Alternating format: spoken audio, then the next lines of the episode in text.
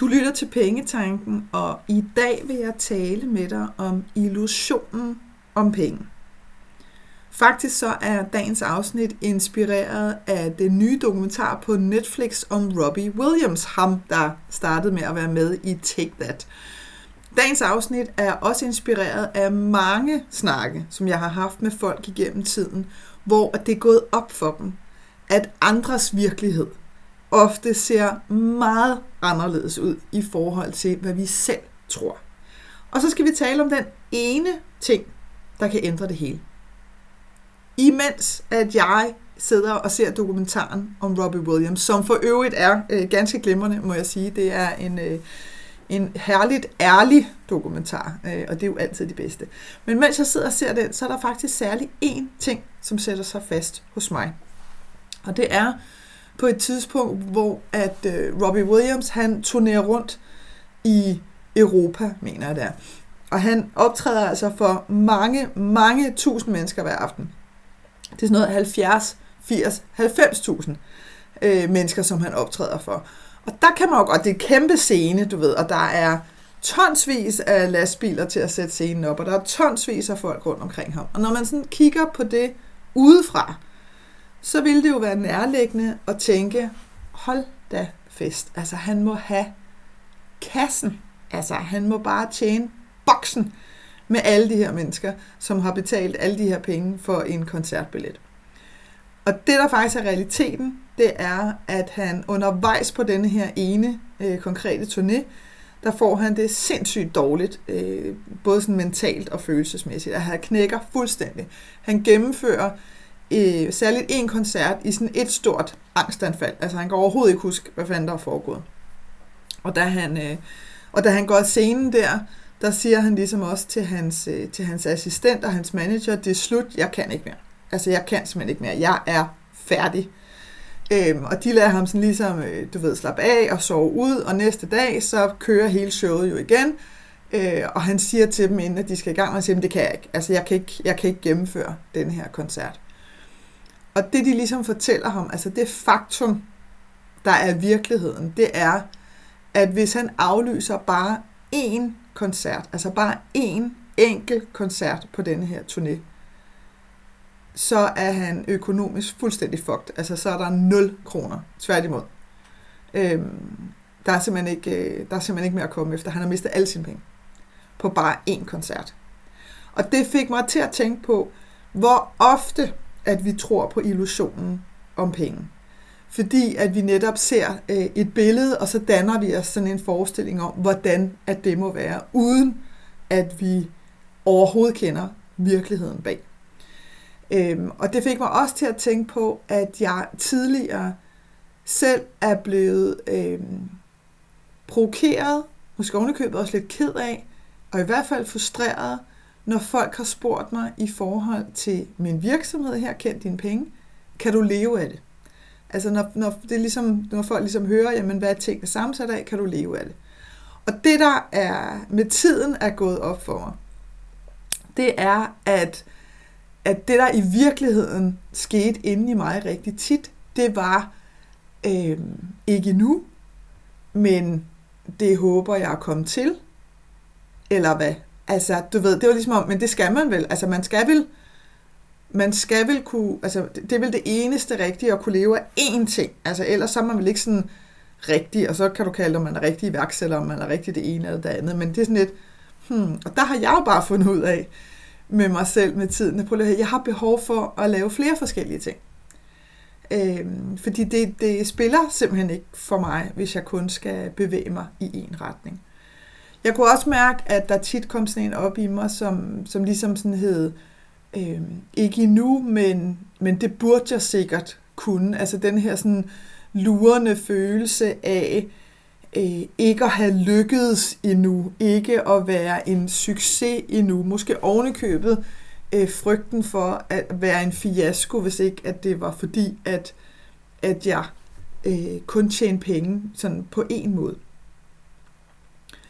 Øhm, og, og det fik mig også sådan videre til sådan en følelse af, jamen, at det er forkert. Altså, du ved, at det er ligesom, at det er ikke det rigtige. Øh, og det har jeg følt igennem mange år. Jeg har haft CVR-nummer i rigtig, rigtig, rigtig mange år. Jeg kan ikke engang huske, hvor mange, men rigtig mange år. Så alle de her følelser øh, har været omkring mig i mange år. Øh, og det, det, jeg synes, der er så interessant, det er, at hvis vi kigger på, på den periode, vi havde med, øh, med corona, og det vil du også have hørt mig sige her i podcasten før, hvis du har lyttet med tidligere, det er, at, at lige der, lige den periode, der blev, øh, der blev alle virksomhedsejere ligesom fritaget for at forklare sig selv, hvis de tjener penge på andre måder end via deres virksomhed. Altså, så, så blev der nærmest en hæppet på folk, hvis det var, at de fortalte, at nu har jeg taget job som det her, eller nu har jeg taget en opgave med det her, fordi tingene skal løbe rundt. Det var som om, at vi på en eller anden måde herligt befriende, synes jeg jo, gav os selv lov til at være ærlige omkring den økonomiske situation. Øh, der var ikke så meget... Øh, der var ikke skyld og skam omkring at skrive, at jeg skulle blive poder nede på det lokale sted, fordi øh, der skal nogle kroner i kassen til budgettet, og nu kan jeg jo ikke tage ud og holde foredrag, eller hvad pokker det nu, eller holde restauranten åben, eller hvad pokker man nu arbejder med. Så det har jeg altså valgt at gøre. Og så var der masser af folk, som, det kan jeg godt forstå, at du skal nok komme tilbage. Og dum, dum. Altså der blev sådan hæppet på det. Og vi var ærlige. Altså vi var herligt ærlige omkring det. Øh, og det synes jeg virkelig var så befriende.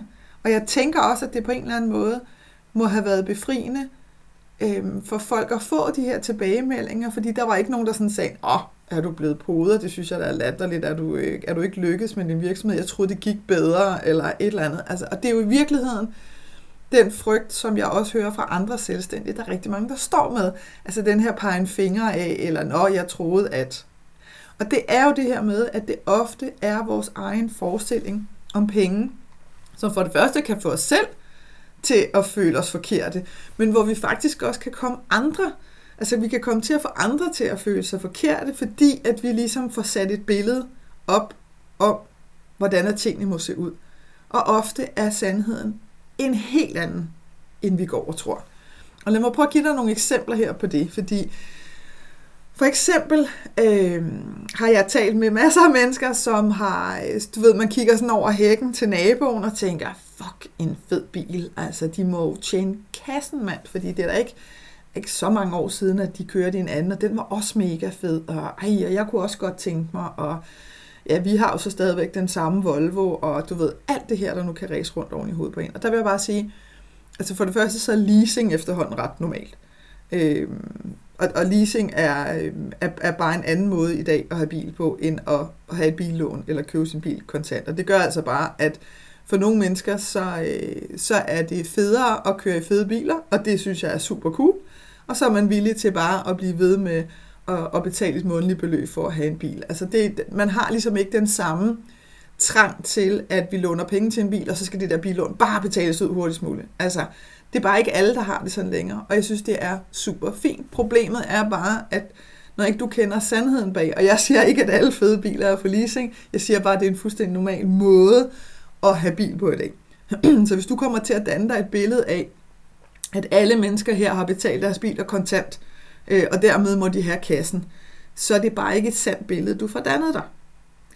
Det kan også være, at du kigger på øh, lad os sige, du er til et foredrag, og så sidder du i sådan en fyldt sal, så kan du godt komme til at sidde og tænke, hold da fest. Øh, ham eller hende, der står op på scenen, må tjene kassen, fordi jeg ved da, at jeg har betalt, nu er det jo meget forskelligt, øh, men, men hvis, du, hvis du gør det igennem nogle af de her øh, øh, store foredragsudbyder, så kommer du hurtigt til at betale 3-4-500 kroner for en, for en billet til et foredrag. Og så sidder du måske der inde i Bremen, eller Roskilde Kongresscenter, eller hvor du nu end kunne sidde, og der er proppet med mennesker, og du sidder måske og tæller op, at jamen, der er måske 2.000 mennesker, eller 3.000 mennesker, eller et eller andet. Og så begynder du at sidde og gange op. Hold da op, det må være mange penge, vedkommende tjener. Men faktum kan være, at personen måske tjener øh, 30.000 for en aften, Øhm, og så skal vedkommende altså have dækket sine udgifter længe, fordi du kan ikke holde foredrag hver aften, så brænder du simpelthen dig selv af. Det ved jeg, øh, jeg har holdt foredrag, øh, og man bruger altså rigtig meget energi på det. Og så kan man sige, at hvis man får 30.000, øh, bare for at sige noget, det kan også være, at man får 50, I don't know, Men, øh, men det, og det er de færreste, skulle jeg helt sige, øh, der får så mange penge. Men så lad os bare sige, at du får 30. Nå ja, hvis man så holder fire af dem om måneden. Jo jo, men, men prøv at tænke på, hvad det kræver. Altså prøv at tænke på, hvad det kræver. Ikke? Du skal ud og, og finde steder og holde foredrag. Du skal også være god til det, ikke? fordi ellers gider folk ikke at komme igen, og så videre, og så videre. Altså det kræver bare meget mere, end det du sådan kan gange op. Og en ting er, hvis man fik 30.000 for et foredrag, så skal der altså lige betales øh, moms og selskabsskat, hvis du har selskab, og der er måske også nogle medarbejdere, der skal have nogle penge, eller nogle leverandører osv. osv. Så det er bare for at sige, vi kan hurtigt komme til at lave de her regnestykker uden at ane, hvordan tingene hænger sammen. Det kan også være, at øh, du kigger på en og tænker, åh, hun er bare ude at rejse konstant. Hun må virkelig have mange penge for at få råd til det. Og igen, så kan det være, at hun prioriterer sin økonomi helt anderledes. Det kan være, at hun øh, bor på et værelse øh, til leje med fællesbad. Altså, you have no idéer. Og vi kan tit, når vi laver de her billeder, og vi gør det alle sammen, så det er ikke for at sidde og, og hejle dig ned, så sidder og tænker, oh my god, jeg har da tænkt det hele. Det gør vi alle sammen. Det sker lynhammer hurtigt. Øh, og hvis ikke vi er opmærksom på det, så bliver vi også lidt opslugt af det, og så kan vi komme til at føle os helt forkert. Men det her med, for eksempel, øh, eksemplet her med en, der bor på et værelse med fællesbad, altså, der er masser af mennesker, som lever på alle mulige måder, som ligesom er anderledes end det, vi forestiller os. Det er ikke alle, der bor på samme måde som os selv. Langt fra. Så vi aner det jo ikke. Det kan også være, at hun har arvet en masse penge. Det kan også være, at hun har øh, en kæmpe kaskredit. Vi ved det ikke. Eller vi aner det simpelthen ikke, men vi danner lynhurtigt nogle historier, og så bruger vi dem desværre til at gøre os selv forkerte, fordi at vi tænker, det burde jeg også øh, have råd til, eller hvorfor har jeg ikke råd til, eller vi tjener der også masser af penge, hvorfor har vi ikke råd til? Det er en klassiker, den hører jeg altså rigtig tit, den her, men vi har da gode indtægter, Hvorfor har vi ikke råd til det? Og det fik mig sådan til at tænke på, at altså, hvor stort et skifte, der i virkeligheden er sket på bare to generationer i forhold til synet på vores økonomi. Fordi hvis vi kigger på vores bedste forældre, altså for det første, så var det en bedrift og et mål i livet nærmest at kunne købe en bolig øh, på et lån. 30-årigt lån, typisk, ikke? Eller hvad man nu gjorde helt dengang. Det er jeg sgu ikke engang helt sikker på, at man kører 30 årigt lån der. Måske gjorde man. Men man, det var i hvert fald ikke noget, man sådan sparede op til at lægge kontant. Øh, det var virkelig sådan, wow, altså, øh, kunne man købe en bolig? Og så handlede det om at betale boligen tilbage hurtigst muligt. Fordi så sad man ikke, man vidste jo godt, at man blev ældre, og man kunne ikke arbejde, til man faldt død om. Det var der i hvert fald, øh, der var mange, der gjorde det på det tidspunkt, fordi der var, der var mere landbrug i gang osv. osv. Men man havde ligesom den her idé om, at hvis man fik betalt boligen meget hurtigt ud, så var, der, så var der altså ikke det her samme pres og behov for at have den samme type penge, så derfor så kunne man klare sig for mindre. Så man knoklede virkelig i håbet om et lykkeligt liv, når man gik på pension. Det var sådan ligesom de faser, livet var opdelt i. Det var også, altså vores bedsteforældre var også dem, som øh, fik arbejde i banken, bare for at give et eksempel, og så var der i 40 år. Altså, man, man shoppede ikke sådan rundt og skiftede job sådan fra det ene til det andet. Altså, det var, man, man fik ligesom, man fik et job, og så blev man ligesom der. Men så kigger på vores forældre, så er det der, hvor kvinderne begynder at komme ud øh, og arbejde. De kommer ud på arbejdsmarkedet, det betyder så også, at vi får flere penge. Øhm, og der bliver produceret flere ting. Ikke? Så pengene bliver hurtigt omsat til ting vaskemaskiner, flere biler, øh, flere rejser. Øh, altså Spis havde jo kronede dage på det tidspunkt, fordi lige pludselig så kunne sådan den almene borger komme ud og rejse. Det var ellers kun altså det bedre borgerskab tidligere, der ville have haft råd til det. Lige pludselig kunne mange komme til grisefester på Mallorca. Ikke? Øh, så der var jo sådan, der var generelt sådan, wow, det er fedt det her, vi har penge, og vi kan købe en masse ting. Øh, og stadigvæk så var der sådan en vis påpasselighed så man ligesom øh, til en vis grad sørget for, at man ikke satte sig dyrere, end at hvis den ene mistede sit arbejde, så gik man ikke sådan fuldstændig, altså så kom man ikke sådan helt på skideren. Altså så var det ikke sådan helt fucked. Så kigger vi på vores tid nu. Øh, vi makser vores økonomi ud. Vi øh, omsætter vores penge i materielle ting. Vores huse er dyre, de bliver kun dyre og dyre og dyre.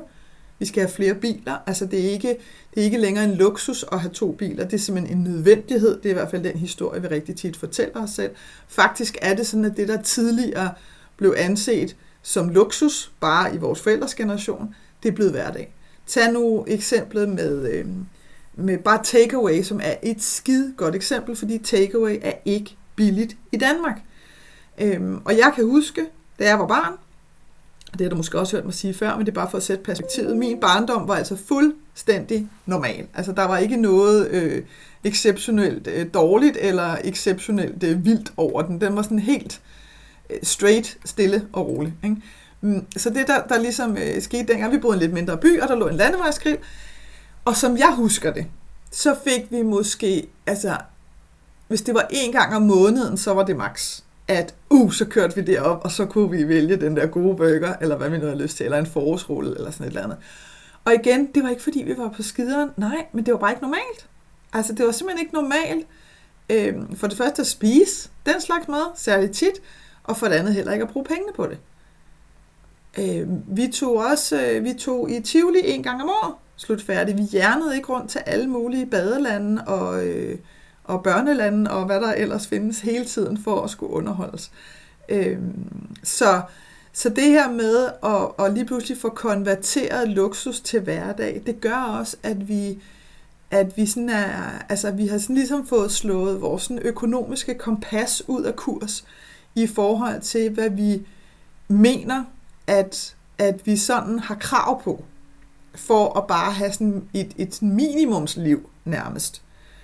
Øhm, og det betyder også, hvis vi kigger rent økonomisk, at når jeg siger, at vi har makset vores økonomi ud, jamen, så mener jeg blandt andet, at, at hvis der er, hvis I er to i husholdningen, som, som har arbejde, jamen så har vi altså typisk sat os selv så økonomisk hårdt, at hvis den ene af os mister arbejdsevnen, altså ikke engang bare mister arbejde en overgang, men simpelthen mister arbejdsevnen, så er vi fuldstændig på skider. Altså så er det af med huset, og det er af med bilerne, og det er af med det hele. Øhm, fordi vi har makset ud. Fordi det er som om, at nu er der penge, så skal de også bruges.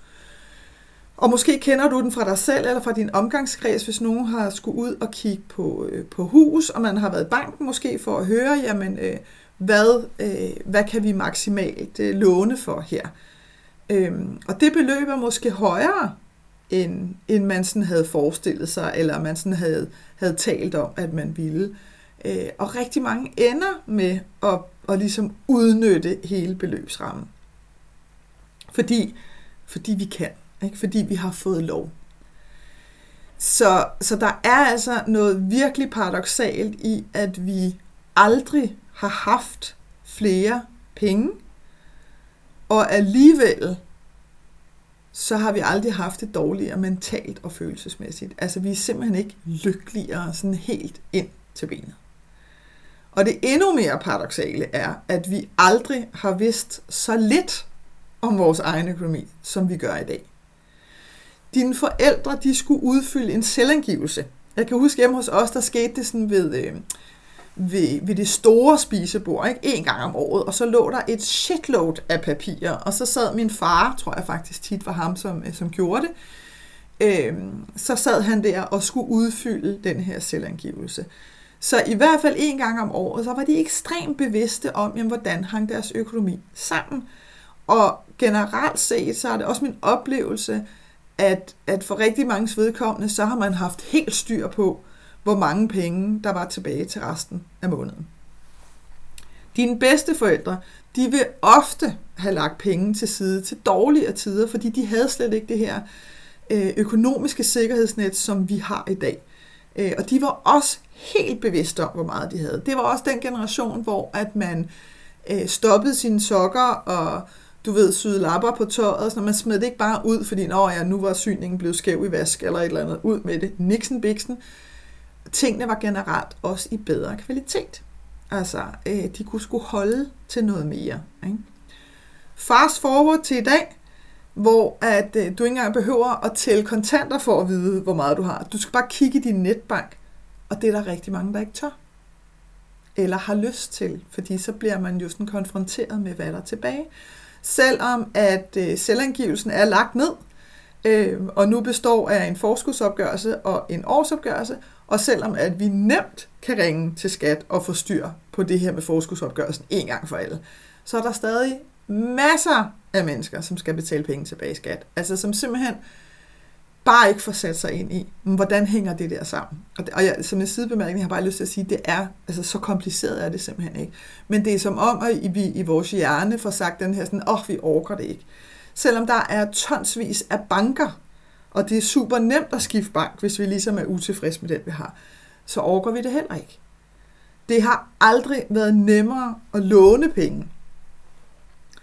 Øh, så det gør vi rigtig tit desværre, uden at være 100% ærlig over for os selv om konsekvenserne. Fordi at vi nægter at vente, til vi har sparet op. Så det her med at låne penge til ferien, og så tage afsted på den her fantastiske ferie, og så måske lige pludselig komme hjem og finde ud af, at, øh, at du bliver fyret. Øh, og nu havde du jo taget det her lån, fordi du havde regnet med, at så kunne du betale tilbage med de her penge, og det kan du lige pludselig ikke. Og igen er det ikke for at male fanden på væggen overhovedet, det er bare for at sige, at det er interessant at tænke over, at det er simpelthen, altså det er på så få generationer, at vi økonomisk er blevet mere tilbagestående. Altså vi er simpelthen blevet mere uvidende. Øh, og dare I say it, nu siger jeg det, vi er også blevet, undskyld mig, røvforkælet. Samtidig med, at vi nægter at se vores egen økonomi i øjnene. Og vi er forkælet, fordi på den måde, at, at man kan sige, der, er, der har aldrig været flere ting. Altså udbuddet af alt muligt er kæmpe, kæmpe, kæmpe stort. Og vi vil have det. Og vi vil have det nu. Men vi vil ikke rigtig kigge på, hvordan skal det her kunne lade sig gøre. Og jeg vil sige, altså en af de sætninger, som kan fortælle dig, om du sådan er villig til lige at stoppe op et øjeblik, inden du kører kortet igennem. Det er den her sætning, som jeg har hørt fra mange af mine kunder, som hedder, det finder vi ud af. Altså det her med ikke først at stoppe op og så finde ud af, okay, jeg kunne godt tænke mig den der ting eller den der oplevelse, perfekt, hvor skal pengene komme fra? Altså simpelthen at tage stilling til først, hvor skal pengene komme fra? I stedet for den der, det finder vi ud af. Fordi det er bare sådan en afstandstagen til, at jamen jeg har, det har jeg ikke lyst til at forholde mig til. Det vigtigste for mig er nu, nu vil jeg have det der, jeg har set. Så gider jeg ikke at, at skal forholde mig til, hvordan er jeg får det her til at hænge sammen. Det må vi finde ud af. Så hvis du gerne vil have færre økonomiske bekymringer, så handler det altså ikke om, at du bare skal have flere penge. Fordi det, der sker, når det er, at vi sådan bliver øh, overstimuleret, har jeg lyst til at sige, med bare at få flere penge. Det er jo, at den tilstand, vi håber at komme i, det er, at vi bare overhovedet ikke behøver at kigge på vores økonomi. Altså vi håber bare, at der er så mange penge, at vi slet ikke behøver at gøre noget ved den. Og det er jo også skørt, fordi sådan hænger det simpelthen ikke sammen. Altså, det her med at tro, at økonomi, som er så naturlig en del af dit liv, og som var noget, dine bedste forældre på fuldstændig naturlig vis tog sig af. At det er noget, hvor du sidder nu, på trods af, at, at viden har aldrig været nemmere at få. Du ved, økonomi har aldrig været mere enkel i virkeligheden også, end den er i dag. Du har alle muligheder for værktøjer til at hjælpe dig med det hele, men vi har simpelthen ikke lyst til at kigge på det. Jeg vil sige, jeg kan godt forstå, når der nogle gange sidder nogle bedsteforældre og tænker, oh my god. Og også nogle gange har været lyseslukker, har man kunne føle det, når de ligesom måske har, har siddet til stille sind, og måske nogle gange også sagt det højt, øh, jamen behøver det, behøver de at bo så dyrt et hus? Behøver de at have så mange biler? Behøver de at tage ud og rejse hele tiden? Og det kan jo nærmest føles som om, at det er da også øh, virkelig nederen, og hvorfor skal de sidde og påpege det? Men når vi kigger på det med det her perspektiv på, hvor uvillige vi i dag i virkeligheden er til at håndtere så stor en del af vores liv i virkeligheden, som økonomi er, så kan jeg faktisk godt forstå dem. Fordi når vi, når vi er blevet så naive, altså det er jo økonomisk naivitet på høj plan, hvis vi tror, at masser af penge betyder, at vi ikke behøver at tage os af det. Simpelthen så behøver jeg slet ikke kigge på min konto. Så er der bare altid nok. Altså ligegyldigt hvad jeg køber, så er der bare altid nok. Det er jo naivt. I'm so sorry, men det er naivt. Øhm, så det jeg vil opfordre dig til, og det altså den ene ting, vi der ligesom kan ændre det hele her, og som kan give dig væsentligt færre økonomiske bekymringer, og som også kan give dig øh, mulighed for at begynde at fokusere på nogle af de ting, der giver mening for dig, det er simpelthen, at du flytter ansvaret for din økonomi helt hjem til dig selv igen. Og med det mener jeg altså også, at hvis du har øh, Øh, hvis du ligesom har givet den opgave videre til din partner, eller, som jeg har hørt for nylig, oh my god, jeg fik næsten ondt i maven, til din bank, så er det altså tilbage med ansvaret til dig selv. Så betyder det, at du skal begynde at lære at forstå, hvordan din økonomi hænger sammen. Så den bliver helt naturligt for dig at håndtere, fuldstændig lige så naturligt, som den har været for dine bedste forældre at håndtere deres økonomi dengang for længe, længe siden. Så det er altså en disciplin. Det er simpelthen noget at lære på lige fod med at lave mad, eller gøre rent øh, i din bolig, eller hvad det nu end kan lære, hvordan man tanker benzin på bilen. Altså no shit, det, jeg mener det virkelig. Det er en disciplin at forholde sig til. Det er simpelthen ikke noget, som du hverken kan betale dig fra, eller jo, du kan godt undgå at kigge på den, men så er det bare, at du bliver ved med at gå og føle dig fastlåst, og have bekymringer, og måske direkte føle frygt eller angst for din økonomi. Så det handler simpelthen om at bare forstå, at økonomi er en helt naturlig ting at forholde sig til i sit voksenliv. Øh, så jeg har så næsten lyst til at sige, kanaliser lige din indre bedsteforældre, som siger, nu får vi lige styr på det her. Og så får vi det altså, så får vi det altså gjort til en helt naturlig del af vores hverdag at håndtere vores økonomi. Og hvis du sidder og, øh, og tænker, som, øh, som et af de, øh, af de nye medlemmer i Dare to Dream Club skrev til mig, øh, og, og hvor jeg simpelthen blev så glad, øh, fordi hun skrev til mig, at jeg hader alt, hvad der handler om økonomi. Jeg, er, jeg har så meget frygt og modstand, at det forstår du slet ikke. Men nu har jeg meldt mig, nu har jeg simpelthen meldt mig ind, fordi nu skal der ske noget. Øhm, så hvis du godt kan mærke, at der er sådan en modstand, og tænker, ah, jeg orker det ikke, og jeg gider det ikke, altså orker ikke, det er også bare modstand, så vil jeg altså varmt invitere dig til at se, om Dare to Dream Club er noget for dig. Fordi her, der tager vi det i et tempo, hvor alle kan følge med. Øhm, og her, der, der får du forskellige vinkler at kigge på din økonomi på. Ikke? Så der er, der, er, der er forskellige måder at komme sådan i mål på med, og i mål, der mener jeg ikke sådan, når du har gjort det her, så behøver du aldrig at kigge på din økonomi igen, fordi du skal kigge på din økonomi igen og igen, som en helt naturlig del af dit liv. Men det, jeg mener med at komme i mål, det er det her med at få forstået, og få den her aha-oplevelse, som, øh, som jeg talte med, øh, med et andet medlem om på en af, af, af de medlemssamtaler, som man har mulighed for at have med mig, når man er medlem, og hvor hun sådan sagde, prøv altså, jeg sidder bare sådan lidt med den der følelse af, at, altså, at det her bare det, jeg skal gøre.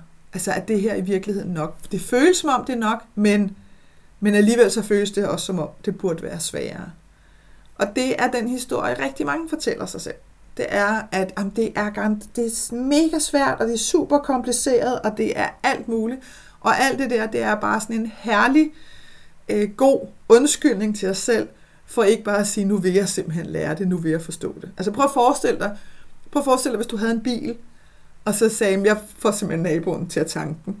Altså fordi det der med at køre ned på tanken, og finde ud af, hvordan det der system virker, det overgår jeg simpelthen ikke du kan godt høre, det lyder skørt. Ikke? Og det er skørt, når vi har det sådan med vores økonomi. Så hvis du gerne vil have hjælp til det, og hvis du gerne vil have et sted, hvor at, at det sådan er trygt at være og lære, så er du velkommen til at se, om der to Dream Club er noget for dig. Og det kan du gøre inde på øh, kenddinepenge.dk. Der ligger et punkt op i topmenuen, der hedder Klub. Jeg håber, at det her afsnit fra Pengetanken har været med til at inspirere dig til at skabe et liv for dig selv med penge nok til det, som du ønsker dig. Og hvis du tænker, at nu skal der ske noget, så gå ind på min hjemmeside www.kenddinepenge.dk og se, hvad dit næste skridt skal være. Vi høres ved.